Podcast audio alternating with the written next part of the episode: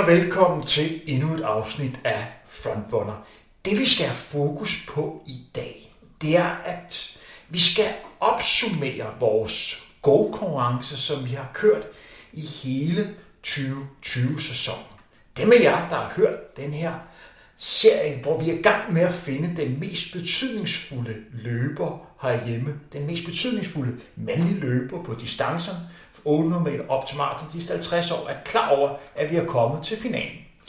De to løber, der er kommet i finalen, det er Wilson Kipketer mod Henrik Jørgensen. Vi vil meget snart afsløre, hvem der vinder den her konkurrence. Men før vi skal have finaleafsnittet, så skal vi lige spole lidt tilbage og have fokus på de 16 løber, som er udvalgt til den her konkurrence. Var det de rigtige løber, vi havde med? Hvordan husker en af de mest anerkendte løbeeksperter herhjemme de her 16 løber? Og har vi i en tal vurderet dem rigtigt? Jeg har Henrik Lund Jensen med på en forbindelse for Odense. Henrik er nok en af de personer, der ved allermest om, hvad der er sket i, i løbesporten igennem de sidste mange år. Hans CV inden for, inden for løbeverdenen er rekordlang. Vi skal nok komme til at lære Henrik bedre at kende i en anden udsendelse, men allerførst, Henrik, velkommen til. Tak skal du have. Og uh, tak fordi, at uh, vi må forstyrre dig sådan torsdag eftermiddag. Hvordan går du og har det? Ja, vi er jo alle sammen påvirket af coronakrisen, og uh, sådan, uh, omkring uh, det med løb, så er jeg selvfølgelig påvirket af, at vi har måttet aflyse en masse løb i år. Og øh, det er jo en, en trist situation, som vi selvfølgelig kunne bruge meget tid på at snakke om. Øh, omkring mit eget løb, så, øh, så er jeg jo master og træner løb og cykling og gang og så så det nu passer ind i dagligdagen og holder mig i gang. Kan du kort fortælle lytterne, hvad du laver i dag? Ja, jeg er jo pensionist faktisk, øh, rent arbejdsmæssigt. Øh, jeg har arbejdet i øh, Odense Gymnastikforening og hos A-Marathon gennem mange år, været lærer mange år. Og jeg er jo så kommet til et break nu, fordi alle vores løb er blevet aflyst, så, så jeg går egentlig, går egentlig og, og hygger mig. Selvfølgelig er i klubben, og så har jeg jo brugt meget tid på det seneste faktisk omkring OGF's arkiv, hvor jeg har fundet meget spændende ting rent historisk, blandt andet Axel Jensen, vores store løber fra 1923, alle hans pokaler og medaljer og så videre. Og så er jeg begyndt at skrive en serie på, på Facebook om danske dansk øh, verdensrekord i her i løb, øh, sådan rent historisk. Så det, det, det pusler jeg med. Og så er jeg selvfølgelig sammen med nogle af mine løbkammerater. Og det var en perfekt overgang til det, jeg vil komme med anbefaling nu. Det er, at hvis man har lyst til at blive klogere på Henrik og følge med i, hvad han skriver om løb, så gå ind og følg ham på, øh, på Facebook. Henrik kommer med nogle fantastiske opdateringer, hvor han kigger lidt tilbage og blandt andet fortæller den her verdenskortserie, hvor vi det seneste afsnit har fokus på, på Dorte Rasmussen, som vi også har snakket med her tidligere på Frontrunner. En kæmpe anbefaling der. Det er bestemt en god serie at følge med i, og, og Henrik ved rigtig, rigtig meget om løb. Henrik, hvad er det, der fascinerer dig allermest med løbesporten? Ja, det er jo dels det personlige, at jeg har været løber, øh, primært på mellemdistance, men øh, har løbet alt fra 100 meter op til, til maraton og har jo øh, igennem mange år deltaget i konkurrencer først øh, som øh, mini konkurrenceløber i mine yngre dage, og så senere som master. Så jeg har vel løbet øh, over 1000 øh, konkurrencer i mit liv. Øh, man kan sige, at den scene, i det senere år har jeg jo skrevet meget om løb, øh, skrevet et par bøger osv., og beskæftiget mig med det som, som freelancer. Øh, jeg har også været kommentator på nogle øh, transmissioner på DR og TV3 øh, tilbage i 90'erne, og øh, ja, løb har betydet meget øh, i mit liv, både professionelt og, og i min fritid. Hvis du skal pege på et idol, har du haft et idol inden for løbesporten?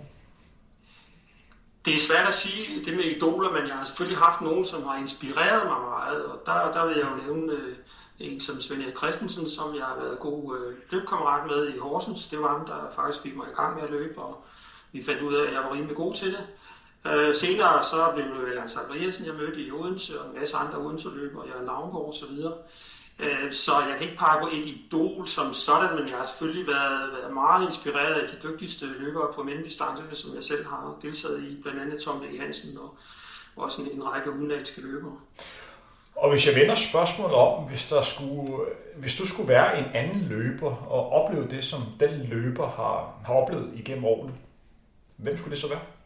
Altså en personløber, som er med på vores, i vores Ikke nødvendigvis med på uh, vores liste. Det kan også være en udlandsk løber, hvor du tænker, kæft, jeg kunne sgu godt have tænkt mig at opleve det her. Det er og Henrik Jørgensen eller, eller Wilson Kipketer i den her sammenhæng, vil jeg nok sige, fordi de har jo haft en fantastisk oplevelse, dels på, på banen og, og ude på landvejen, kan man sige. Så, så det vil jo, det vil jo og det vil egentlig dække meget godt, fordi, fordi jeg jo også har løbet 800 meter som min bedste disciplin, og, og så har, har prøvet maraton øh, seks gange, så, så jeg er egentlig lidt til begge dele. Men, men de to, er da, det kunne da være spændende. Henrik, årsagen til, at vi skal snakke med dig i dag, er jo, at vi skal have lidt fokus på den her GOAT konkurrence, øh, som vi har lavet i, igennem året. Vi er jo kommet til finalen, hvor at, du nævnte jo de to løbere, som vi har i finalen, nemlig Wilson Kipketer mod Henrik Jørgensen. Vi kommer ind på senere, om du mener, om det er de to rigtige løbere, vi har øh, fundet frem til. Men hvad synes du om, at man laver sådan en, øh, en konkurrence, hvor man øh, finder den mest betydningsfulde løber herhjemme? Jeg synes, det er spændende, fordi der kommer det ekstra aspekt i det, at man, man ligesom vurderer den enkelte løber ud fra andre øh, parametre end, end bare det rent resultatmæssige. I forvejen er det jo svært at sammenligne resultater over tid, fordi konkurrencen er forskellige, underlaget er forskellige med hensyn til rekorder. Øh, distancerne går helt fra 800 meter til maraton. Øh, og øh, der kan være mange forskellige parametre, som gør, at det er svært at, at sammenligne niveauet rent, øh, rent løbemæssigt. Øh, så derfor synes jeg, at det er meget spændende, at der kommer nogle, nogle andre aspekter ind over, hvilken betydning har den enkelte løber haft for, øh, for løb i Danmark. Øh, der er blevet kigget på løberens øh, stil for eksempel, det synes jeg er jo interessant. Øh, og, og også de, de menneskelige øh, egenskaber, kan man sige, foldet ud. Og det, det synes jeg gør, at, at der kommer mere substans i, øh, i diskussionerne, men, øh, men det bliver jo ikke nemmere, kan man sige, når man tilføjer de ekstra elementer. Nej, du nævner jo nogle af de kriterier, som vi har udvalgt i den her lille konkurrence. Fordi det skulle ikke være noget hemmelighed, at hvis det handlede om at finde den bedste og hurtigste løber, så kunne vi lige så godt stoppe konkurrencen efter 5 minutter og give den til Wilson Kipketer, for der er jo ingen andre dansk løber, der igennem tiderne har matchet hans resultater fordi de var unikke. Men når man spreder det lidt ud og har flere kriterier, så er det ikke helt så enkelt at udpege. Nu går vi i gang med de her 16 løbere, og vi kommer til at gøre det på følgende måde, at jeg præsenterer et navn for dig, og så er der sådan øh, fem kriterier, du skal tage udgangspunkt i, og så sætter jeg et lille stopur i gang, og så har du omkring tre minutter til nogen, der kommer igennem hver løber ud for de her spørgsmål. Og det er, hvordan vil du definere den person som løber? Hvilken aftryk har de sat i sporten? Har de fået det maksimalt ud i karrieren? Og skulle de være højere eller lavere på vores liste ud fra dine kriterier og din opfattelse. Vi skal lige gøre opmærksom på, at det var jo et, et COP-system, hvor en tilfældig computerprogram, hvor vi indtastede de her 16 navne, og så blev de trukket op, og så blev de så parret mod hinanden. Og der var jo en løber også, der skulle møde Wilson Kipketer i indledende. En uheldig kamp, og det kunne jo godt være, at den løber måske har haft en bedre chance mod en anden løber. Men sådan øh, var det, når vi lavede lodtrækning. Har du forstået præmisserne, Henrik? Ja, det tror jeg. Den øh, første løber, Jan Lavnborg, han kom jo top 8 i vores konkurrence. Skulle han have været højere eller lavere? Jeg tror, det er en fornuftig placering til, til Jørgen, som jeg har kendt øh, gennem årene her fra Odense. Han har haft en fantastisk lang karriere som løber helt fra 68 og til, øh, til 1984. I sig selv er det jo unikt, øh, og så har han sat mange rekorder. Han var første mand under 8 minutter på 3000, han har sat rekorder på 5 og 10 og maraton været med til OL to gange og været en fantastisk personlighed. Jeg synes, at placeringen er, er helt ok. Han har jo sat et, et, et aftryk på, øh, på, på løb, øh, primært i Odense, men også øh, i, i Danmark i, øh, i 70'erne og, og 80'erne, øh, som en, en fantastisk personlighed. Om man har fået det maksimalt ud af karrieren, det er et godt spørgsmål. Øhm, tiden var en anden, og, og Jørgen er jo en speciel personlighed, og var en speciel personlighed som, som, som løber øh, og øh, løb sin egen vej på mange måder. Øh, det var et andet træningsmiljø dengang, og øh, det var ikke så videnskabelig en tilgang, som, øh, som vi har i dag. Man kan sige, at han, han, øh, hans karriere har været utrolig ujævn, men har haft mange fantastisk flotte spidser, øh, rekorderne og, øh, og de sejre, han, han, han har opnået. Øh, det er klart, altså i bagklodskabens lys, og det udtryk skal jeg ikke bruge mere i dag, bare at sige, hvis vi kigger lidt tilbage, så kunne han selvfølgelig godt have struktureret sin karriere øh, lidt, lidt anderledes. Øh, og øh, han, øh, men han har stor betydning, og han, han var virkelig en fantastisk, øh, fantastisk løber i, i de mange år, han var med. Hvordan tror du, man, man husker ham i løbesporten? Jeg personligt husker, altså jeg har ikke, desværre ikke mødt Jørgen Lavnborg selv, men øh, det billede, jeg har af ham, det er en, en løber, som præsterede i en lang årrække, også præsterede i, i starten af, af 40'erne, løb rigtig stærkt på maratondistancen, og så også en, en løber, som var glad for at leve livet ved siden af. Ja, bestemt. Altså, han, han, han kunne jo godt øh, nyde en cigaret eller to og, og et glas øl, og, og det betød jo så også, at karrieren øh, var ujævn i perioder, men, men respekten er jo der, hvor man kan sige, at han brød igennem i 68 og, og sluttede i 84. Altså 16 år øh, på, på, på niveau, ikke? Og jamen, altså, jeg kunne fortælle massevis af historier om, hvordan han var nede i kælderen, og så lige pludselig så kom han op og, og løb stærkt. Jeg var også selv ude at træne med ham en gang, øh, kan jeg huske, hvor han pustede altså med et gammelt lokomotiv, og så øh, et par uger efter, så løb han en klassetid op i Drammen, og det, det, det er noget, jeg stadigvæk ikke forstår den dag i dag. Lad os gå videre til den næste øh, løber øh, på vores liste. Det er jo Mogens Guldberg. Og han røg ud i den her 8. finale til Jørgen Lavnborg, og dermed sluttede i top 16. Var det en passende placering for Mogens Guldberg? Ja, man kan sige, altså det der tæller for Jørgen, det er jo, øh, det er jo han, også hans OL-deltagelse, som ikke blev særlig vellykket, hverken det ene eller det andet sted, men han blev udtaget. Og han har også løbet øh, super flot indendørs.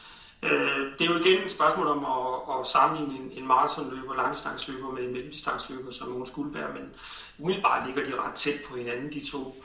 Altså jeg vil jo huske Måns Guldberg som en løber med en meget flot løbestil, øh, som øh, brød jo igennem i, øh, i 80'erne, kom fra, øh, fra Kalundborg, og øh, var konkurrent til en løber, jeg trænede, Lars Ågaard, som, som løb 3.46 på 1500, Øh, og Mogens kom jo der, og jeg kan tydeligt huske, at vi fik virkelig respekt for Mogens, øh, fordi han leverede nogle, nogle fantastisk flotte resultater. Han øh, havde jo også en pæn lang karriere og, og kom i, øh, i finaler, og også løbet øh, super flot indendørs. Det er nok en af de bedste øh, placeringer, han har haft. Og øh, sat rekorder øh, på mellemdistance. Specielt god på 1500 meter og mile, øh, men også god på 3000. Så, så jeg vil sige, at han øh, han kom nok øh, på det rigtige tidspunkt for, for mellemdistance i Danmark og gav et, et ekstra pust. Øh, jeg kan huske, at jeg spikkede ham også i mål ved øh, Frederiksberg. Gunnar Nielsen var ude på Frederiksberg sammen med Lars Toft, hvor vi spikkede, og, og jeg har altid haft et, et godt indtryk af, af, af Mogens Guldberg. Jeg vil sige, at placeringen er ok, om han ryger ud i forhold til Lavnborg eller ej, det, det, er nok meget, det er nok meget tæt. Med hensyn til karrieren, så er, det, så er det svært at vurdere, om han kunne have fået mere ud af den. Øh, mit indtryk er, at han, han trænede meget seriøst. Han havde en fransk træner i mange år i hvert fald.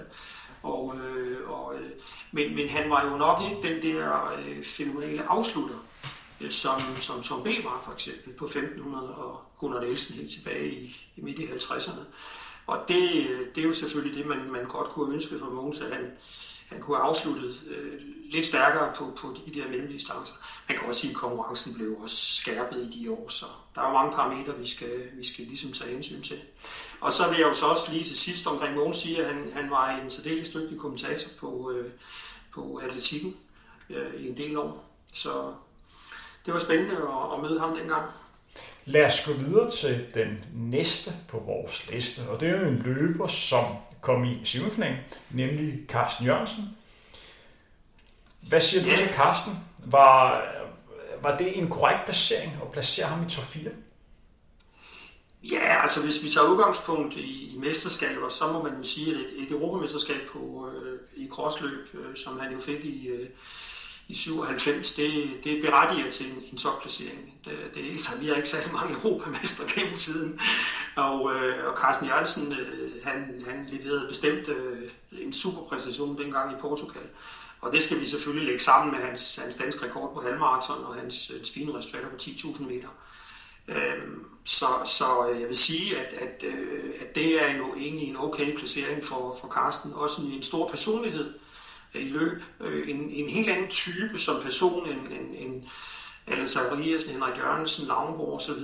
Øh, Carsten var jo egentlig, og jeg formentlig stadigvæk et meget, meget afslappet og, og venlig menneske. De gange jeg mødte ham, der har det været rigtig hyggeligt. Men jo ikke en type, som hypede sig selv på den måde. Og, og det kan jo være, at Øh, det skyldes, at han kom fra orienteringssporten, som, som måske har en lidt anden tilgang og mentalitet, men han, han var jo også i verdensklasse inden for orienteringssport og fik, fik medalje sammen med holdet, øh, fik VM, VM-guld. Øh, så jeg vil sige, at og igen, Carsten Jørgensen kom også på et godt tidspunkt der i 96, hvor vi lige havde brug for et ekstra boost, og så øh, kan, kan de fleste af os, som er lidt ældre, jo, jo huske hans, hans fantastiske løb ned i, øh, i Portugal. Øh, og det var bestemt ikke nogen nem sejr. Altså han slog virkelig dygtige folk. Har han fået det maksimalt ud af hans karriere? Det har jeg svært ved at vurdere for Carstens vedkommende, fordi jeg kender ikke rigtig hans træning. Øh, og øh, han kom jo også fra orienteringssport, så han har formentlig trænet noget anderledes end de fleste andre løbere i de år, han har været aktiv. Så, øh, så men mit, mit bud er, at jeg tror ikke, han, han med den tilgang, han havde, nemlig orienteringssporten først, øh, kunne have gjort det bedre inden for, inden for atletik. Men hans primære force, det var jo øh, det var, det var crossløb, og så var han også god på banen og på, og på hvad hedder det, halvmarathon. Forsøgte sig på maraton, det lykkedes aldrig. Han har jo stadigvæk to nuværende danske rekorder på henholdsvis 10.000 meter og halvmarathon. Og som du nævner, så lykkedes han ikke helt på maraton, hvilket nok skyldes, at han løb ind i, i skadesproblemer. Øh, er det ikke netop hans udfordring, at han ikke lykkes på den distance? Vil han ikke have stået stærkere, hvis han for eksempel har haft en 2-10-tid øh, på maraton? Jo, det er klart. Altså, hvis han var kommet i nærheden af Henrik Jørgensens tid, øh, så, så, øh, så er det klart, at han vil, øh, han vil ligge højere på listen. Øh, nu, nu Carsten, øh, Carsten øh, Øh, er jo, eller var jo en, en, en lidt tungere løber, kan man sige, så, så det, der kan også være noget fysiologisk omkring hans, øh, hans, hans problemer med, med udfordringerne på, på maratondistancen. Jeg kender ikke hans data for løbeøkonomi osv., men umiddelbart kunne jeg godt forestille mig, at han måske er en lidt for stor øh, tung løber, med respekt for ham øh, i, for, i, i forhold til maraton, men det, det er kun mit sådan, umiddelbare bud. Han har i hvert fald gjort det fantastisk. Det har han bestemt. Nu går vi så videre til den løber, der blev slået ud i ordentlighedsfinalen af Carsten Jørgensen. Tom B. Hansen, der altså endte i top 16. Det skal lige nævne, at vi allerførst havde Svend Erik Christensen med på den her liste, og faktisk ikke havde Tom B. Hansen med. Men da vi skulle til at lave udsendelsen, så øh, fortrød vi simpelthen, at vi ikke havde Tom B. Hansen med. Og vi sad og kiggede på, på listen, og valgte så at fjerne Svend Erik Christensen, rigtigt eller forkert. Det skal ligge ind i uvisse, men fjerne ham og så sætte Tom B. Hansen ind i stedet for. Tom B. Hansen, en hedderkronet øh, løber. Hvad tænker du om Tom? Han var en fantastisk øh, mellemdistanceløber. Han var jo god på alle distancer fra 800 meter op til, til 60.000, og løb faktisk også øh, 5.000 og, og endda en maraton på et tidspunkt. Men, øh, men han kom jo øh, i, øh, i slutningen af 60'erne og øh, satte jo øh, en masse danske rekorder faktisk på fem forskellige distancer, 1000 meter, 1500 mile, 2000 og 3000. Og øh, kom med til OL øh, i, øh, i 72, hvor han kom i finalen. Hans øh, største præstation, det har jo været hans EM-sølv i 74 øh, nede i Rom. Øh, og jeg har jo set finalen nogle gange. Jeg skal lige huske, at jeg så den på fjernsyn dengang, men øh, på YouTube der er jo utrolig mange klip fra tidligere finaler, og dem kan jeg godt lide at sidde og, og se, specielt de kortere selvfølgelig, fordi det tidsmæssigt er bedre. Øh, jeg bruger ikke så meget tid på det. Og hans finale dernede, den finale, hvor han var med, den, den var utrolig spændende, og han, han er faktisk sådan okay, pænt uheldig med ikke at, at vinde guldet. Øh, så, så han, gjorde det, han gjorde det super flot. Han øh, var jo også øh, i top 5 på verdensranglisten øh, i 75, øh, og var jo blandt favoritterne. Øh, Arthur Lydiard, den, den, den kendte træner fra New Zealand, som, som jo trænede Tom Bing en periode, fortalte, at, at Tom var blandt favoritterne til, til, øh, til guldet i, øh, i Montreal i 76, men Tom B. kom desværre ikke med på grund af en øh, skade. Han er også en af de løbere, jeg selv har, har mødt på, på 800 meter, så, så jeg har selvfølgelig øh, rigtig, gode, øh, rigtig gode minder fra, fra den tid, og jeg synes, at øh, han var en, øh, en super god øh, løber, også med en meget flot øh, løbestil. Og jeg vil tro, at, at han nok er en af dem, der har fået, fået stort set det maksimale ud af sin, sin karriere. Han øh, startede jo med, øh, med traditionel øh, intervaltræning, og så da Arthur Lydiard øh, blev tilknyttet øh, dan, dansk løb øh, af forskellige uretsagelige årsager der i, øh, i omkring 70, 71, 72, så, så trænede øh, Arthur Lydiard øh, Tom B. en periode, og, og stærkt medvirkende til, at han, han fik øh, succes. Øhm, og om han skal højere eller lavere end øh, Carsten Jørgensen, det, det er igen, ja, det, det ligger meget tæt med, med de to, for de har begge slået rekorder. Carsten har selvfølgelig fået et, et EM-guld på, øh, på, hvad hedder det, Crossen og, og Tom B. et EM sølv på, på 1500, men, men de, ligger, de ligger utroligt tæt. Hvis vi har lavet den her liste for, for 20 år siden, vil han så være længere frem? Det kunne jeg godt forestille mig, at Tom B. ville have, ville have været, ja. Øh, det, det, det mener jeg faktisk, fordi han, han var også grænsebryder i den forstand, at han, han slog et havrerekord simpelthen, og han, og han havde jo også altså den der skarphed i spurten. Altså det var jo den, altså den, den frygtede, Tom B's frygtede spurt. Altså, og det er jo det, vi godt kan lide, specielt på mellemdistance, at der er nogen, der kan fyre den af. Øh, enten en kort eller en lang spurt. Og det, det er jo lidt ligesom som Bube i dag. Ikke? Altså, vi sidder og, og råber og skriger. Og det, sådan var det også øh, for, for Tom B's vedkommende. Og den der øh, gnistrende spurt der, det, det, det er noget, man godt kan lide som, som øh, løbefan. En, øh, en løber, som helt sikkert ikke var på, på listen, hvis vi havde lavet den for, for 20 år siden, det er jo Jesper Favrskov. Og han er den femte løber, vi lige skal igennem. Og han er jo den eneste løber, som stadigvæk er aktiv, der er kommet med på, på denne liste. Det er en af vores kriterier på forhånd. Men vi valgte simpelthen at have Jesper ind på listen, først og fremmest fordi han fortjener det, og så også fordi, at vi har en stærk mistanke om, at Jesper aldrig nogensinde kommer til at trække sig tilbage rent løbemæssigt. Vi forventer, at han simpelthen bare bliver øh, øh vide. Allerførst har Jesper fortjent en, en plads blandt øh, top 16. Ja, det, det vil jeg nok mene. Altså Jesper Favrskov har jo øh, spændt meget vidt øh, med hensyn til øh, resultater, øh, præstationer på, øh, i forskellige underlag. Altså han har jo været mester på i et hav af discipliner og, og, og, og strækninger. Øh, så, så det synes jeg bestemt. Han har også øh, været OL-deltager og, og gjort det, det, det super godt i mange år øh, flot løbestil, og, øh, og der, jeg, vil, jeg vil bestemt huske ham øh, i mange år. Selvfølgelig har jeg også mødt ham mange gange og snakket med ham øh, som, som en, en, en super, super dygtig løber. Han har jo ikke vundet, vundet sådan øh, stor heder i, i udlandet, altså han har fået, fået placeringer ved internationale mesterskaber, og det er super flot. Han har ikke vundet medaljer som sådan, men, men vi skal jo også tænke på, at, at konkurrencen øh, efter afrikanerne er kommet til fra 11 år, er jo blevet skærpet helt vildt. Øh, så jeg synes egentlig, det var rigtigt, da man, øh, da man øh, lagde, lagde kravene lidt lavere på et tidspunkt, for at sikre, at vi fik dansk deltagelse, øh, og det kom så blandt andet Jesper øh, til, til gode.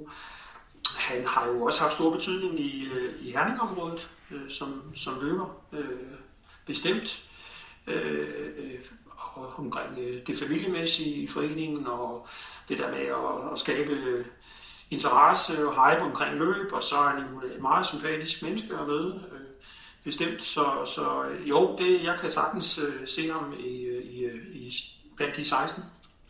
Det store spørgsmål med Jesper, har han fået det maksimalt ud af det? Ja, det, det mener jeg. Det er jo sådan, at for mange af løbernes vedkommende kender jeg jo ikke detaljerne i deres træningsprogram. Jeg har selvfølgelig læst lidt om, hvad de har trænet og hørt historier, og nogle enkelte har jeg jo også hjulpet med træning selv, øh, en snak og og Svend Erik Christensen. Øh, og så, jeg kender jo ikke Jespers øh, træningsprogrammer, men, men jeg ved jo, at han har, han har trænet under Karl Ove Søltoft i en længere periode, og, og jeg kan sagtens forestille mig, at han har fået, øh, fået meget tæt på det maksimale ud af, af sin karriere. Før vi går videre, tror du, vi øh, finder nogle løber, hvis vi spørger dem, der siger, at jeg har fået det maksimale ud af mit talent? Ah, det er svært at sige, for man har altid den der lille utilfreds nisse, der sidder og banker på den ene side af hovedet, ikke? Og, ah, jeg skulle lige have sat spurten ind lidt tidligere, eller der var også noget træningsmæssigt, der, der haltede lidt, eller der kan være noget sygdom, og der kan være forskellige ting. Øh, og jeg tror ikke, det ligger i den menneskelige natur, hvis man er løber øh, og konkurrencemenneske, at man ligesom siger, at jeg har fået det, det, det maksimale ud af det, så skulle det være Øh, altså så skulle det jo være, at man, man, man vinder medaljer hver gang og så videre. Men, men selvfølgelig kan man, kan man jo godt finde nogen, som siger, at jeg er tilfreds, og jeg har, jeg har fået det ud af det, jeg synes, jeg, jeg ligesom havde udgangspunkt i rent øh, talentmæssigt, og, og jeg var også heldig i nogle konkurrencer. Jeg tror, at du kan finde nogen, som siger det. Den, øh, den næste løber, som vi skal have fokus på, det er jo en løber, som har været med i rigtig, rigtig mange år. Jacqueline som endte i top 8. Vi skal lige sige, at Jesper Favsgaard endte i top 16, men nu er der altså fokus på Gear Kalin, der altså kom til kvartfinalen. Var det en passende placering til Gear Kalin? Ja, jeg synes, det er ok, at han lige sniger sig med der, fordi han øh, var jo også en, der, øh, der satte danske rekorder på, på 5.000 meter, og øh, var også OL-deltager i, i 72. Og øh, man kan sige, at han, øh, han var jo også en dygtig afslutter. Øh, kunne også løbe 1560.000. Jeg har set ham løbe under, under øh, 8 minutter øh, på en, en singlersbane i Horsens ved et stævne, vi havde. Scanteno Games der. Øh, så, så øh, jeg synes, at Gert Kalin også øh, med den personlighed, han havde som, som konkurrenceløber i sine yngre år, øh, og så de resultater, han har opnået, øh, landskamp og så videre, øh, fortjener en, en, en, en fin placering. Man kan jo også sige, at, at, at Gert er jo også en af dem, der har været særdeles aktiv som masterløber og har vundet, øh, vundet øh, øh, internationale medaljer og øh, er meget bekendt fortsat er aktiv. Øh, så det tæller jo også lidt med, kan man sige, i det store billede. Øh, han skulle nok, øh, altså jeg vil, jeg vil, jeg vil sige, at han, han kommer fint med øh, blandt de 16 der. Øh, og jeg kan igen ikke vurdere, øh, om han har fået det optimalt ud af, af sin karriere, men jeg tror, jeg tror det, det er pænt tæt på. Hvordan husker man ham som løber? Hvad er det for et aftryk, han har sat i den store historiebog? Ja, nu skal jeg jo så til at huske rigtig godt tilbage i 70'erne. Jeg har jo oplevet ham, jeg kan ikke huske, at jeg har løbet mod ham selv, men jeg har i hvert fald oplevet ham på stadion som en meget, meget, meget flot løbestil og en dedikeret løber, og, og en, som, man, som der var respekt om, øh, både som, som person, men også som, øh, som, som, som løber. Altså, det var en, man skulle, øh, man skulle, man skulle holde øje med, når, når, når der skulle spurtes og så videre. Øh, så, så, så, så øh, jeg, jeg tror faktisk, at det, jeg husker ham egentlig bedst fra det løb i Horsens, der hvor han banker den under 8 minutter. Altså, det synes jeg var ret imponerende at løbe 2 gange 1500 meter på under 4 øh, det, det, var, det var super flot. Jeg husker ham som en, øh, som en løber, fordi jeg, det skal lige nævne, at min udfordring i det her game her er, at uden at fornærme dig, men jeg er lige på yngre, og øh, man har jo selvfølgelig fokus på, øh, på den periode, man sådan selv har, har levet. Og jeg husker ham primært som en løber, som løb ufattelig stærkt, selvom han var, var master og, og lidt oppe i årene. Der havde han altså et uhørt højt niveau. Og så inden for, inden for løbeverdenen, så ser man jo lidt op til folk, der har løbet mod Stig Fontaine til OL. Ja, men helt klart. Og det er jo bestemt ikke ufortjent, når man tænker på, at han har sat rekorder og kommet med til OL. Altså, det er der jo ikke så mange, der, øh, der, der har gjort. Så jeg deler faktisk din opfattelse. En anden løber, som er med til OL, skal vi have fokus på nu. Det er den første løber, som er kommet til finalen. Det bliver spændende at se, om han kommer til at vinde det. Nemlig Henrik Jørgensen, han er altså kommet hele vejen til øh, finalen. Hører Henrik Jørgensen hjemme blandt de sidste to? Ja, det vil jeg nok mene, ud fra de øh, kriterier, der er lagt op, og ud fra, øh, fra de, de samtaler, der har været i, i jeres podcast. Han øh, er jo en stor personlighed inden forløb, og desværre skal vi jo sige, at han var, øh, fordi øh, vi ikke har ham mere. Han øh, var øh, en løber, som øh, satte et kæmpe aftryk, øh, specielt øh, på de lange distancer. Og øh, jeg kan jo huske, at jeg mødte ham, da han var øh, 15-16 år ude til stævner og så videre, øh, og det var jo virkelig imponerende, øh, så stærkt han kunne løbe, og han blev trænet af sin far på det tidspunkt, øh, Knud Erik. Og øh, ja, det er jo en lang historie med Henrik, kan man sige, fordi øh, han var jo en, der som ganske ung trænede vanvittigt mange kilometer. Og øh, også som, som, som ung begyndte at sætte rekorder. Altså man, man kiggede jo virkelig efter i resultatlisterne, når man nu fik dem i avisen dagen efter, eller en uge efter i Dansk Atletik, øh, eller Atletiknyt, at når Henrik havde sat en ny rekord, han når jo også at sætte nordisk øh, juniorrekorder osv. Så, videre. så så jeg vil sige, at, at rent øh, resultatmæssigt øh, jo en, øh, en løber, som man må have den dybeste respekt for, øh, på alle distancer fra 1500 meter op til, til maraton. Øh, deltagelse to gange ved OL, og flotte placeringer. Hans øh, fornemmeste placering øh, er ja, udover London Marathon, hvor han vinder, men, men mesterskabsmæssigt øh, er vel VM i 87 i Rom, hvor han får en 9. plads. Og øh, der løb han altså super flot. Jeg kan anbefale, at man går ind og kigger øh, filmen på, på YouTube. Og øh, jeg vil nok mene, at han har, øh, han har fået det, det maksimale ud af sin, øh, af sin karriere. Han har haft gode trænere og været dedikeret og sådan forholdsvis øh, få skader, så vidt jeg lige er orienteret øh, i øh, karrieren. Men øh, sådan sammenfattende en, en fantastisk personlighed, både som, som løber og som, som menneske. Og øh, det er klart, at, det, det var selvfølgelig et stort indtryk at, at være med til det løb, som, øh, som du tog initiativ til, til øh, Øh, sidste år, Henrik, da, da vi skulle minde ham. Så øh, det er egentlig, hvad jeg har at sige. Vi kommer til at snakke om Henrik Jørgensen senere, så lad os gå videre til den næste øh, løber, hvor man godt kan argumentere for, at han ramte ind i en lidt uheldig 8. For det var netop den løber, som mødte Henrik Jørgensen i 8. Nemlig Dennis Jensen. Hører Dennis Jensen hjemme på en top 16 over den mest betydningsfulde danske mandlige løber de sidste 50 år? Ja, det, det vil jeg klart mene. Han, øh, han har jo en dansk rekord på 5.000 meter, som øh, har holdt i 20 år. Og øh, det er jo et af de længste spænd, hvis vi snakker rekorder. Øh, især i nyere tid, kan man sige, inden for, for mellemlang. Og øh, man kan jo undre sig over, at rekorden ikke er slået. Der kan være to årsager, at der ikke har været så mange øh, om budet, og at rekorden er, er fantastisk god, og jeg hælder måske nok til det sidste, at øh, hans, øh, hans tid øh, på 5.000, den, den, den var super god. Og øh, jeg har altid øh, synes, at det var hyggeligt at, at møde Dennis, eller sådan, har slået lidt med ham ud til nogle stævner, og jeg selv har haft nogle løbere, der har kæmpet øh, mod ham i sin tid, hvor jeg var træner. Øh, altid en frisk fyr og en, en, en god bemærkning, og, og øh, også, øh, han har også kørt et, super fint øh, træningsforløb øh, gennem årene. Han har jo trænet lidt anderledes end, end en del andre øh, mellem langdistansløbere, fordi han har været meget intensiv i sin træning. Ikke brugt øh, vildt mange øh, træningsminutter eller timer i løbet af ugen, men, men har jo fået øh, super meget ud af, af sin øh, karriere. Øh, personligt kan jeg huske ham øh, rigtig godt fra, øh, fra IGD VM, øh, som blev afholdt i Danmark i 96, hvor der jo øh, skulle løbes på maratondistancen øh, i stafetløb, og der, der løber han altså en, en kanon god tur. Så, så han kunne øh, flere ting. Han kunne løbe et godt tempo, og han kunne også være offensiv. Og det der er brug for på en, øh, en stafet, øh, hvor Carsten Jørgensen også var med at løbe en, en super flot tur. Øh, så, så, og så Dennis øh, har jo gjort meget også øh, forløb øh, gennem, gennem sit arbejde. Øh, og så, så er han jo også invitationsløbsvinder og, og en, en meget, meget vigtig og dygtig løber i, i de år der fra 96 og, og en, en 5-6 år frem. Dennis har vi jo lige øh, lavet en udsendelse med for, for 14 dages tid siden, som jeg anbefaler, at man lytter til. Men ganske kort har han fået for lidt anerkendelse ud fra det, han alligevel har præsteret. Ja, det kan man måske godt sige.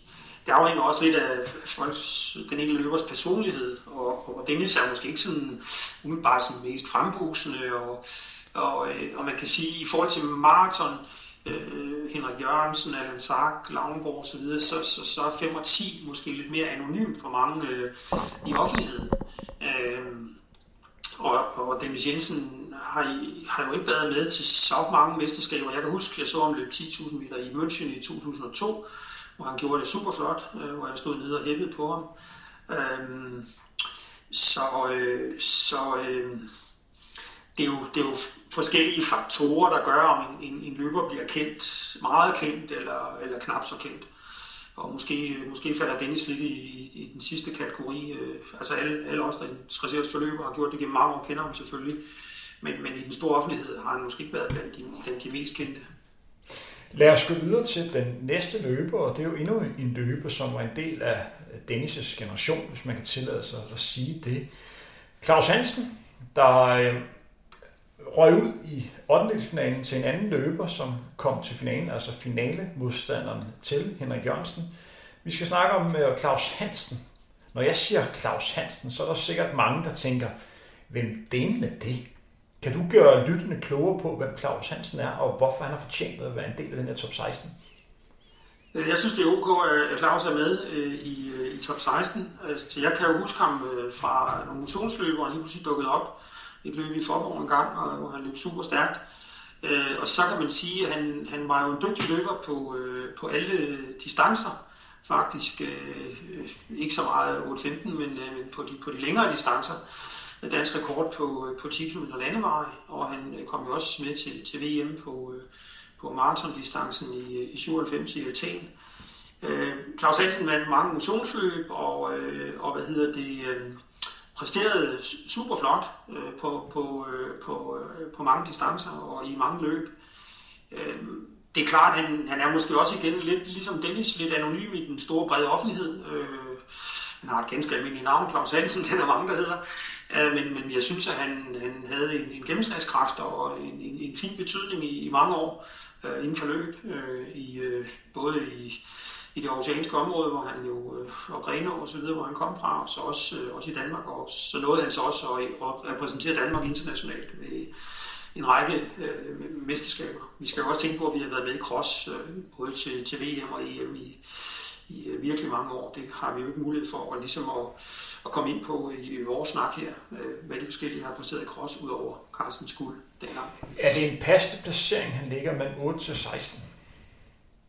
Ja, altså det, jeg synes, det er ok, at han er med i top 16. Altså det, det synes jeg bestemt. Ja, det, men er, er det passende? Skulle han være i top 8? Nej, det, det vil jeg ikke umiddelbart sige.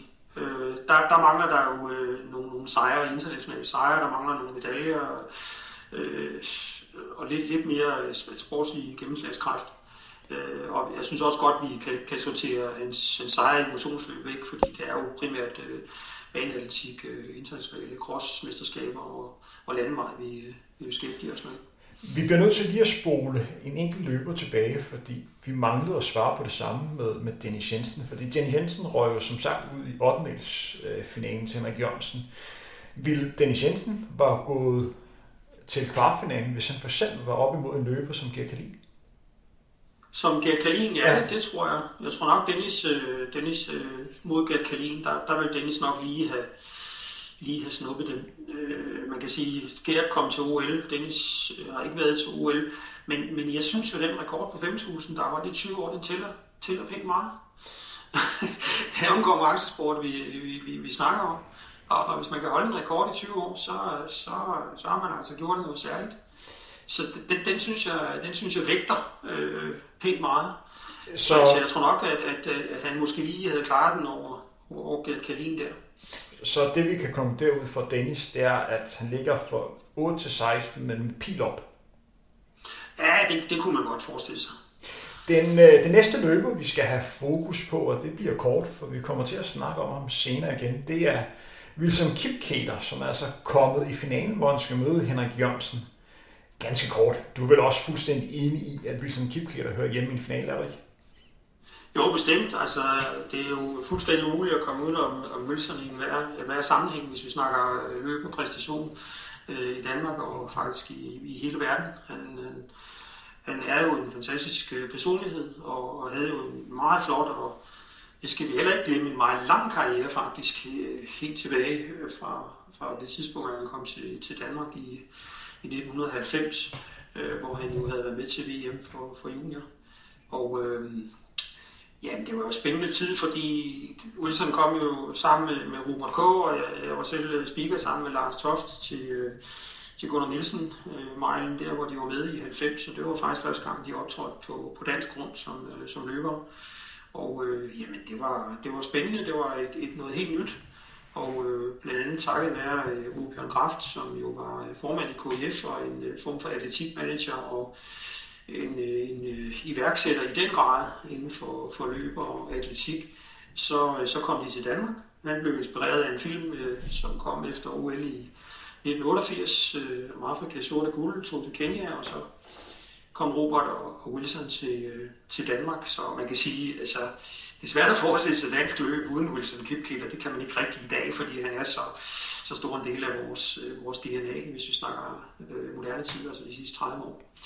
Og øh, man kan sige, altså, man kan jo ikke diskutere hans løbestil, for den er jo bare unik og flot og elegant. Øh, og hans aftryk er jo, er jo super øh, flot øh, i Danmark, men, men, men ikke mindst internationalt, hvor han jo øh, var og er et kæmpe navn. Han, øh, var jo øh, kåret som, eller blev kåret som, som verdens bedste sportsudøver overall i 1997. Og det er altså ikke noget, man bare lige bliver. Han satte jo verdensrekorder både indendørs og udendørs på, på 800 meter. Slog jo legenderne, øh, legendernes rekorder, blandt andet Sepp, Sepp Coase på, på 800. Og, øh, og vandt jo øh, to gange OL-medaljer og, og tre verdensmesterskaber. Så, så, så det er jo indiskutabelt, at han, øh, han, øh, han var og er et, øh, et kæmpe navn, og han har også gjort meget for, for dansk atletik i, igennem årene. Øh, profileret øh, forbundet osv. Det vil, så, øh, det vil være et lidt forkert spørgsmål at, at stille om Wilson Kipke har fået det maksimalt ud af sin karriere med de flotte resultater, han har. Så jeg vil, jeg vil hellere spørge dig om, er Wilson Kipke der rent faktisk et større navn ude i atletikverdenen, end er i Danmark? Ja, det, det vil jeg nok mene. Altså nu er den internationale atletikverden jo øh, en, en størrelse, der består af mange, mange millioner fans og, og, øh, og eksperter og trænere osv. Øh, og der, øh, der vil jeg da nok sige, at, at Wilson, øh, Wilson især var et, et kæmpe stort navn øh, på det tidspunkt. Jeg har også været i Kenya et par gange, og der, der havde folk jo meget, meget respekt for ham og synes han var fantastisk, og der var han jo endda begyndt at stille op for Danmark.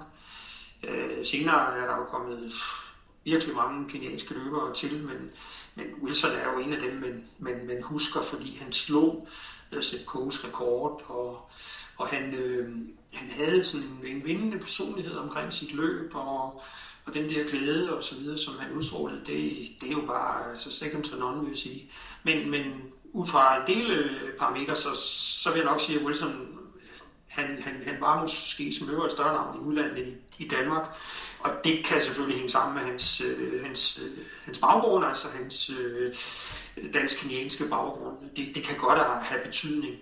Øh, jeg kan da godt huske, at i 97, der vandt kvinde håndboldlandsholdet jo øh, øh, prisen som, som årets sportsnavn foran Wilson Kipketer. Det blev meget sådan diskuteret på det tidspunkt. Øh, Øh, så der er selvfølgelig forskellige aspekter i, i det her, men, men han, øh, han var som løber, da han var vest, et kæmpe navn i udlandet, og har så også gjort meget for det internationale atletikforbund gennem årene.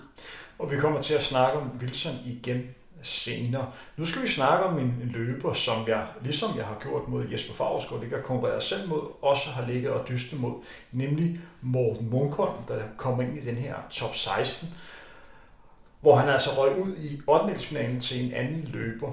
Synes du, at det er retfærdigt, at Morten Munkholm han kommer med i sådan top 16? Øh, nej, jeg synes, det er ok, at han, øh, han øh, er med i, i top 16. Øh, jeg vil nok sige, hvis man kigger på listen, så er han den løber, jeg ved mindst om. Altså fuld, selvfølgelig fuldt hans resultater og så videre, også på Facebook med ham, og, og han har løbet mange øh, super fine resultater. Han har også øh, placeret sig godt både i kors og, på, på landevej og, og, og på bane, så, så han har leveret flot. Øh, måske løber som karrieremæssigt minder om, om øh, Mogens Guldberg. Mogens fik måske lidt bedre placeringer internationalt, men, men måske kunne, kunne de løbere godt minde en del om, om, om hinanden. Øh, men, men det er så en løber, som jeg ikke har kendt øh, og egentlig mødt sådan personligt. Øh, men, men jeg har selvfølgelig stor respekt for hans, øh, hans resultater og hans, øh, hans rekorder. Han øh, øh, havde jo også en meget flot løbestil, det er jeg i mærke til ude ved, ude ved stævnerne. Øh, og om han har fået maksimalt ud af sin karriere, det, det er jeg simpelthen ikke øh, i stand til at vurdere, fordi jeg kender ikke hans, hans, hans træning. Det er jo en løber, som jeg kender ganske godt, så jeg vil hellere referere til at høre nogle af de tidligere udsendelser, vi har lavet den her gode konkurrence, hvor vi har snakket om netop Morten. Men hvis vi lige kort skal gøre han øh, færdig, så det måske største aftryk, han har sat, det var nok rent træningsmæssigt, hvor han var den løber, der for alvor øh, bankede ind i andre danske løber, der, der skal altså trænes, hvis du gerne vil være, være god. Og det var blandt andet noget, øh, jeg selv tog, øh, tog til mig, at det var altså ikke nok for mig at ligge og løbe 70-80 km om ugen, øh, hvis jeg skulle ligge og dyste mod Morten Munkholm, fordi han kom med og 160, 170, 180 og måske endda også 200 km i benene kontinuert i en længere periode. Øh, og hvis man skulle med der, så skulle man altså træne lidt flere kilometer, fordi ellers så fik man altså tæsk. Ja, men det er jo også et super fint aftryk at sætte, at man har, man har øh, markeret sig på den måde over for, for sine konkurrenter og, og, og så videre omkring, omkring træning. Og det var det aftryk, som, som Morten har, har sat. Og så var det lidt sjovt, fordi uh, vores computerprogram, som lavede lodtrækken, det simpelthen uh, gjorde, at han i ordningsplanen skulle møde hans gamle træner og lærermester, nemlig Niels Kim Hjort, som han tabte til, for Niels Kim Hjort han kom i, i top 8. Synes du, det er retfærdigt, at Niels Kim Hjort er i top 8? Ja, jeg synes, det er ok, at han, øh, han sniger sig ind i top 8. Men man kan sige, at hvis en, en løber ligesom får plads i top 8, så, så udelukker man, man en anden. Altså, de, de afløser jo så at sige hinanden øh, på skift, hvis, hvis der er en, der får en højere placering. Øh, og der, der er vi jo igen ude i noget, noget subjektivt, men, men jeg synes, at Niels Kim har øh, sat et, et fint aftryk øh, på, på dansk løb øh, gennem de senere år. Øh, han er jo også en af dem, jeg har kendt selv og løbet mod øh, for mange år siden. Øh, og øh, han har jo resultatmæssigt øh, leveret flotte øh, præstationer. Han kom i øh, EM-finalen i, øh, i 86. Han øh, øh, har jo en øh, super flot placering, den bedste øh, placering i VM Cross nogensinde af en dansk løber. Og han øh, har jo også sat nordisk rekord på, på 1500 meter. Øh, så han, øh, han har haft en flot og, og, og, og, øh, og lang karriere øh, som, som løber man kan sige, at han har ikke haft øh, de helt vilde resultater mesterskabsmæssigt, øh, hvis vi snakker udlandet. Øh, og det, øh, det øh, gør selvfølgelig, at han ikke øh, rykker, rykker så højt op som, øh, som, som Carsten Jørgensen og, og andre, som, som har fået de der, de der medaljer og, og topplaceringer. Men øh, han har haft en, en flot øh, og lang karriere, og så har han jo også øh, gjort meget forløb øh, efterfølgende. Han var jo den, der etablerede løbersport. Øh, i Aarhus øh, løbbutik, og har jo også i øh, Dansk Atletikforbund gjort en, en super flot indsats øh, for mellem langdistansløb, øh, specielt også korsløb, gennem mange år. Så, øh, så respekt for ham. Fik han det maksimalt ud af det? Ja, det vil jeg nok mene. Altså, jeg, mit indtryk er i hvert fald, at han, han har trænet super seriøst øh, gennem, gennem alle årene.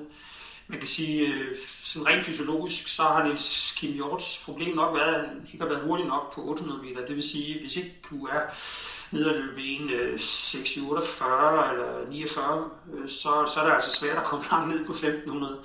Så, så han har måske egentlig, øh, altså det der med, den, med valg af den rigtige distance har måske været hans, hans udfordring. Øh, øh, hvor måske femmeren har været lidt for lang, og træerne har måske passet fint til ham. Det er jo svært at vurdere, for det skal jo sættes i relation til de konkurrencer, han har været ude i, og hans træning på det pågældende tidspunkt.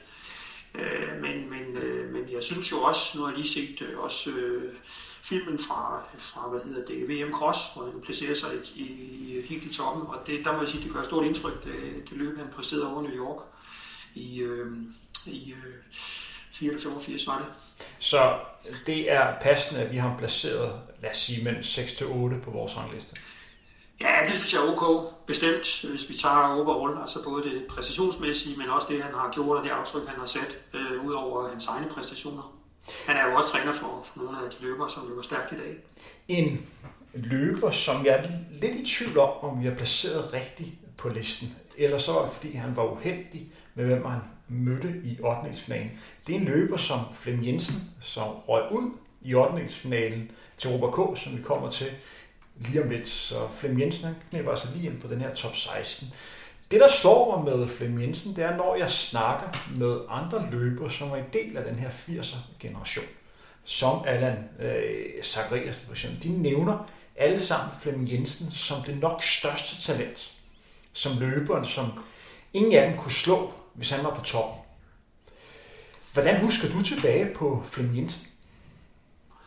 Det er, det er noget i samme folkegade. Altså, jeg synes også, at han var et, øh, et super stort talent og en, en, øh, meget flot løbestil. Øh, god teknik på, øh, på forhindring, som jo var en af hans øh, favoritdistancer. Og øh, jeg vil sige, at han, han var jo det, man kunne sige, en skarp løber. Altså, det var en, som, som de andre holdt øje med, og han, når det virkelig fungerede træningsmæssigt og konkurrencemæssigt, så, så var han altså så var han vildt skarp. Han øh, var jo så desværre også ud i, i langvarige skadesforløb, og, øh, og det der følger med, som, som jo i hvert fald betyder, altså umiddelbart øh, vurderet, øh, hvis jeg kan huske sådan, nogenlunde rigtig tilbage til den tid, at han ikke øh, fik det maksimale ud af sin, sin karriere. Var det en løber? Det skyldes jo nok ikke. Det, nej, jeg tror ikke, det skyldes hans træning. Altså, han, han, Henrik Larsen var jo var træner for ham i en længere periode, og jeg, jeg betragtede, betragter Flemming som en, en, en, en, en dygtig person, som, som kunne strukturere sin træning på en fornuftig måde, men han røg, han røg simpelthen ind i virkelig mange skader. Og det er selvfølgelig en del af træningsprocessen, men det kan jo også være betinget af uheld, og at ens fysik måske ikke lige slår til, så, så der er ikke en automatisk sammenhæng mellem, at man træner for meget og får mange skader og eller omvendt. Jeg vil bare sige, at Flemming øh, han, var uheldig på nogle tidspunkter, men kom der heldigvis til at levere, levere nogle flotte resultater, som, som der blev lagt mærke til. Er det en passende placering, han har på, på listen, eller burde han være længere frem? Øh, nej, jeg synes, det er ok. Altså, man kan jo ikke, man kan jo ikke placere en, en, en, en, en løber højere, fordi han har været uheldig med skader. Altså, det må jo være de faktuelle resultater, primært der tæller, og så det aftryk, som personen øh, øh, sætter. Man kan jo ikke, øh, altså med mindre det er en, der, der direkte falder i en OL-final og går lige med en guldmedalje, kan du jo ikke sige, at det var, det var, altså han skal højere op, fordi han tit var skadet og sådan noget. Det, det, sådan, sådan synes jeg ikke, parametrene skal spille sammen. Øh, jeg synes, det er ok, øh, placeringen for, for, for, for Flemming Jensen. Øh, jeg kan så jo personligt sige, at det selvfølgelig er uheldigt, når man har et længerevarende skadesforløb, som, som han desværre havde. Den løber, som slog Flemming Jensen ud, det var altså Robert Kiplekat Andersen, som kom til Danmark samtidig med Wilson Kipketer. Robert K. han øh, blev slået ud i, i kvartfinalen og altså med i den her top 8 felt. Er det en passende placering for Robert K.? Ja, det synes jeg, det er. Øh, man kan sige, at Robert K. i modsætning til Wilson, så havde han jo en øh, meget kort karriere. Øh, og hans, hans store år, det var jo, det var jo 97, hvor han var med til, til VM i øh, Athen. Og så er han en af de meget få løbere, der har slået Hisham Ilguruj, ovenikøbet en spurt til et stort stævne i Japan. Og øh, det har jeg jo snakket med, med Robert om i forgangen, og det synes vi jo er meget sjovt, at han, han lige præcis skulle slå ham, som jo stadigvæk er verdensrekord i det her år. Øh, og øh, Robert K. Øh, var jo egentlig et større talent umiddelbart end Wilson, så vidt jeg har fået fortalt det i hvert fald, øh, da, da de kom til Danmark. Øh, han var jo basketballspiller, men også en super dygtig løber. Og øh, så fik Thomas Noland øh, styr på hans træning, og øh, jeg kan da huske, øh, at jeg mødte Robert ret tidligt sammen med Wilson, og øh, jeg lavede en større artikel i, øh, i et løbemagasin, som, som jeg styrede på det tidspunkt om, om Robert K.'s træning. Og det var meget spændende, og det fik jeg meget respekt for. Jeg så også Robert K. Øh, løbe en, øh, en meget flot øh, 1500 meter på, på Østerbro, hvor han i hvert fald i første omgang kvalificerede sig til, til, til VM. Så han var, han var super god der i 697. Og jeg har øh, også set ham løbe på nogle, nogle, til nogle stafetløb og så videre, hvor, hvor han havde en god afslutning på en, på en 400. Øh, og et, god, et godt spænd, altså han kunne løbe rigtig godt på 400 stafet, og så kunne han så også løbe fint på, på de længere distancer. Men en, en, en, desværre jo en, en lidt kort karriere, kan man sige. Det var jo en, en løber, som hans træner, Thomas Noland, som har jo trænet en del på, på den her liste. Han har også en, en stor aktie i en løber som Dennis Jensen og Jesper Favrskov og andre. Han sagde, up, han sagde, at den her løber, det var ubetinget den løber, han arbejder med, som har haft det største talent. Og det var lige før han gik så langt at sige, at den her løber ville vinde en femmer over alle de løbere, han har trænet, stort set, selvom han ikke var i form. Så det viser bare lidt om, hvor stort talent Robert K. var. Fik han det maksimalt ud af sin karriere? Nej, det gjorde han jo ikke, fordi den var så kort, kan man sige. Øh, og så vidt jeg ved, så var der også nogle skadesforløb, som, som var inde over.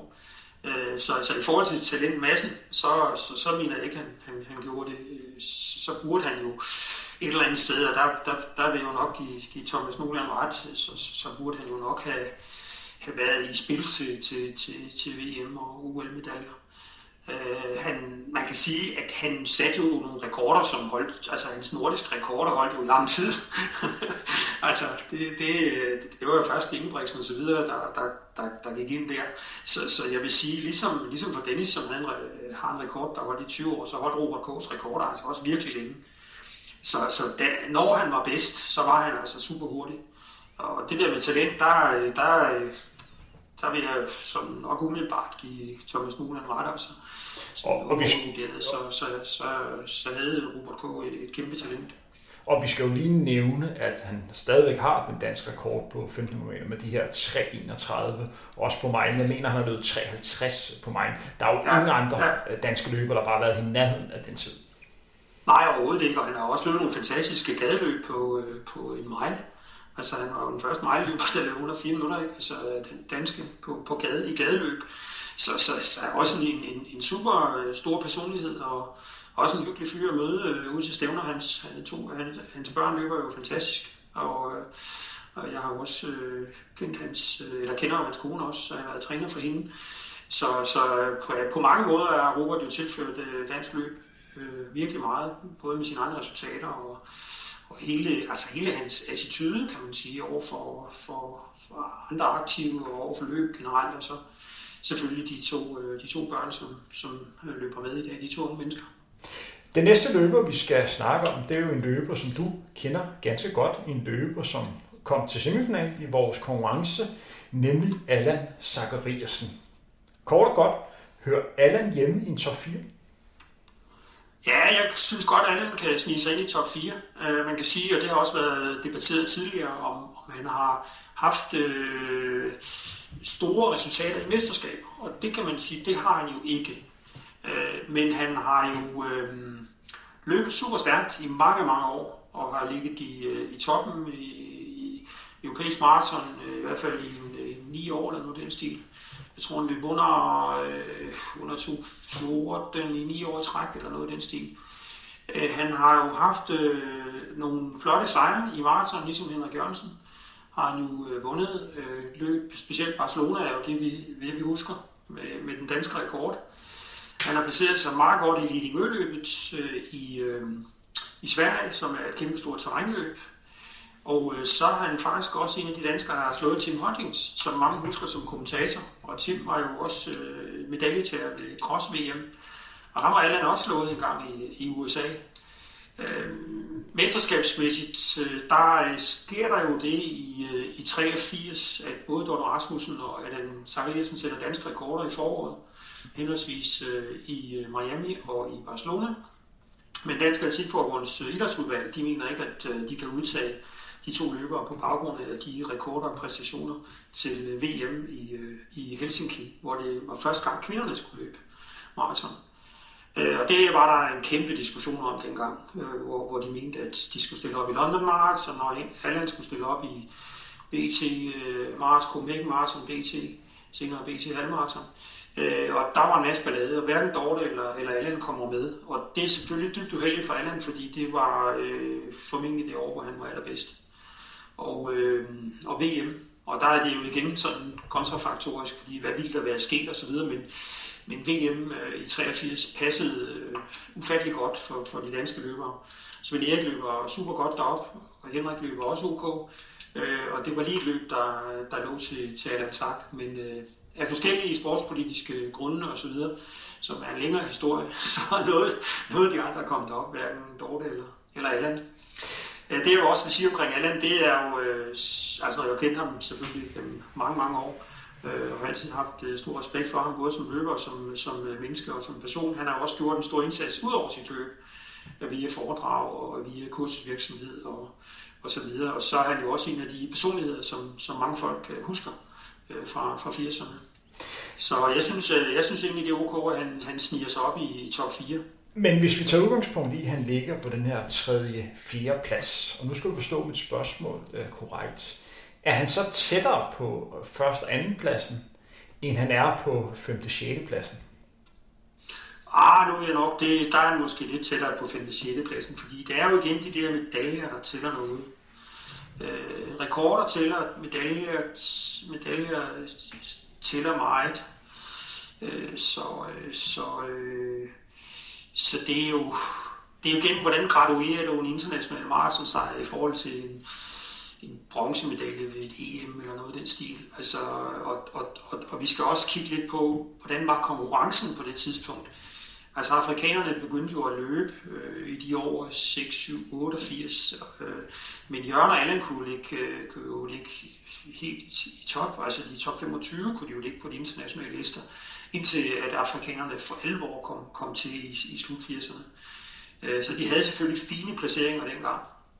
konkurrencen blev skærpet meget, og det var fordi, der kom penge ind i maraton fra omkring, øh, omkring 1980. Og, det, og der kom flere og flere penge ind. Og det er klart, at Allan skulle jo også strukturere sin karriere efter, øh, hvor der var penge at tjene. Øh, så, så, øh, så det betød jo, at, at, at det var maraton, han, han satte meget på, og specielt de store internationale maratonløb. Den øh, sidste løber, vi skal have, have fokus på, og så har været igennem alle 16 løber, det er jo Jan Ikov. Og øh, Jan Ikov er jo primært kendt for et rigtig, rigtig godt resultat. Kan du gøre lytterne klogere på det resultat? Ja, jeg forestiller mig, at du mener hans 10. plads ved, ved VM i halvmarathon. Det er korrekt, ja. Ja, ja det kan jeg sagtens, fordi øh, jeg kan huske, at jeg selv sad og så det, og, og holdt øje. Der var ikke så øh, samme teknik som i dag omkring mellemtider og så videre, men jeg sad jo der hele tiden og tænkte, hold da op, nu kommer der til at ske noget, men, men øh, blev selvfølgelig øh, meget glad, da han, øh, da han lige sneg sig ind på, på 10. pladsen. I øvrigt et, et, et hårdt og meget spændende løb øh, øh, på det tidspunkt. Øh, så det, det var en, øh, det var en, en, en super fin øh, præstation, han, han leverede på halvmarathon, som vel nok var hans favoritdistance. Han forsøgte sig på maraton, men det lykkedes aldrig helt at komme ned på de der supertider på, på 2.11, 2.12, 2.13, som, som fysikken måske berettigede til, men, men der kan have været andre årsager til, at det ikke lykkedes på maraton. Men hans halvmaraton, det, den husker jeg tydeligt. Det er klart. Og så husker jeg også, at han løb fantastisk på 10 i Tyskland. Hører han hjemme på sådan en top 16? Ja, det, det mener jeg nok, han gør. Og det er primært den der halvmaraton i, øh, til VM, der, der placerer ham der. Og, ja. så, øh, og, så, og så en masse, en masse gode landevejsresultater og, og placeringer i, i løb. Vi havde jo stor konkurrence i vinterturneringen, Night Cup og hvad det hed gennem årene. Øh, den vinterturnering, der blev etableret i, øh, i, i midten af 70'erne, og der var han bestemt et islet der. Øh, det kan man sige. Øh, men, men, men den halvmarathon øh, husker jeg ham nok øh, umiddelbart bedst for. Er det retvisende, han ligger mellem 8 til 16? En gang til. Er det retvisende, han ligger i en placering mellem 8 til 16? Er det hans niveau? Ja, Jan Iko, ja, ja, det synes jeg. Det, det vil jeg nok mene. Fordi det var jo en løber, som blev parret mod Allan Zachariasen i 8. finalen, og der gik Allan Zachariasen ja. øh, videre mod øh, Jan Ikov. Hvad er hans aftryk nu her? Hvordan husker man Jan Ikov ud over den her fantastiske løb, han havde ved verdensmesterskabet? Altså, jeg, jeg, kan jo, jeg kan jo huske ham også, fordi han var, han, han var også været eventyrløbet løbet og så videre, og var jo egentlig sådan en meget frisk og åben person, når han var ude til løb, og vi fik altid en god snak. Øh, hans aftryk nu er jo også som, som træner, som, som en del af, af et, et kæmpe, kæmpe træningsprojekt, øh, hvor han jo er ansvarlig for træning. Øh, så vidt jeg husker, så kommer han fra fodbold egentlig, og, og var jo ikke som løber den der kæmpe store personlighed. Han var måske lidt anonym på et eller andet niveau i forhold til, til Henrik og i forhold til, til Allan Sack. Øh, men, men jeg synes ikke, man kan pille ved hans, hans, hans øh, præstationer, og slet ikke den der halvmarathon, han, han leverede øh, til, til, til VM. Øh, og så synes jeg, det er fint, at han er kommet tilbage som, som, som træner og rådgiver osv. Det er, det, er, det er dejligt, og, og jeg mødte ham også øh, til, til Henrik Jørgensens miniløb, og det er altid hyggeligt lige at sige hej. Henrik, øh, du mangler at få tre spørgsmål, inden vi siger tak for i dag. Allerførst, du har næsten svaret på det, men den finale, vi kan se frem til, nemlig mod Wilson Kipketer og Henrik Jørgensen. Er det passende? Ja, jeg synes, det er ok ud fra øh, de øh, præmisser, som øh, konkurrencen eller dysten er stillet op omkring. Det synes jeg. De er jo meget forskellige personer, var for Henriks vedkommende, både som løber og som mennesker, men jeg synes, at det er helt berettiget, at de skal kæmpe om, om førstepladsen. Hvem tror du, eller hvem håber du, der kommer til at vinde? Jeg vil ikke sige, hvem jeg håber, men, øh, men hvem tror umiddelbart, så, så mener jeg, at det er svært at komme ud om, om Wilson, og det, det skyldes jo hans, hans, øh, hans verdensrekorder, hans øh, medaljer ved VM tre gange, og hans to, øh, to OL-medaljer. Det, det, er, det er svært at, at, komme udenom det, vil jeg nok sige. Øh, så, så jeg vil ikke sige, at jeg, det der med at håbe, det, det vil jeg ikke lige komme ind på, men, men, men altså, han er jo, han er jo han er ikke til at komme udenom som, som, som vinderen. Hvis vi spoler lidt frem, og så siger, at vi laver den her udsendelse igen om øh, 10 år, er der en løber, som er aktiv nu her, som vi simpelthen ikke kan komme udenom, når vi sidder og laver den samme udsendelse om 10 år? Ja, det er i første omgang Andreas, Andreas Buge, fordi han har to øh, EM-medaljer indendørs og, og udendørs. Øh, det kan man ikke komme udenom, at man har vundet en medalje ved et EM. Hvis vi, hvis vi nu legede, at han var tilgængelig for den her konkurrence, hvor ja. skulle han så placere sig allerede nu? To EM-medaljer, det er jo øh, det er der ikke mange, der har præsteret. Så, så, så han ligger jo, øh, han ligger jo i, klart i den bedste, i den bedste halvdel, vil jeg sige. Vil altså, han være i top 4? Eller i finalen? Mm, han er ikke i finalen, og han, øh, han kunne godt øh, være i top 4. Og det kommer an på, hvor meget du vægter, øh, vægter øh, to EM-medaljer. Øh, men dem, dem synes, synes jeg, man skal vægte pænt højt. Han har også en, en lang karriere. Øh, han har også været med til at, at, at bryde nogle, nogle grænser, kan man sige, fordi han jo er, øh, er den, der er kommet efter Wilson. Og det er jo ikke det sjoveste. han er en verdensrekordindehaver, der, der ligesom har markeret, øh, hvordan øh, skabet skal stå rent tidsmæssigt.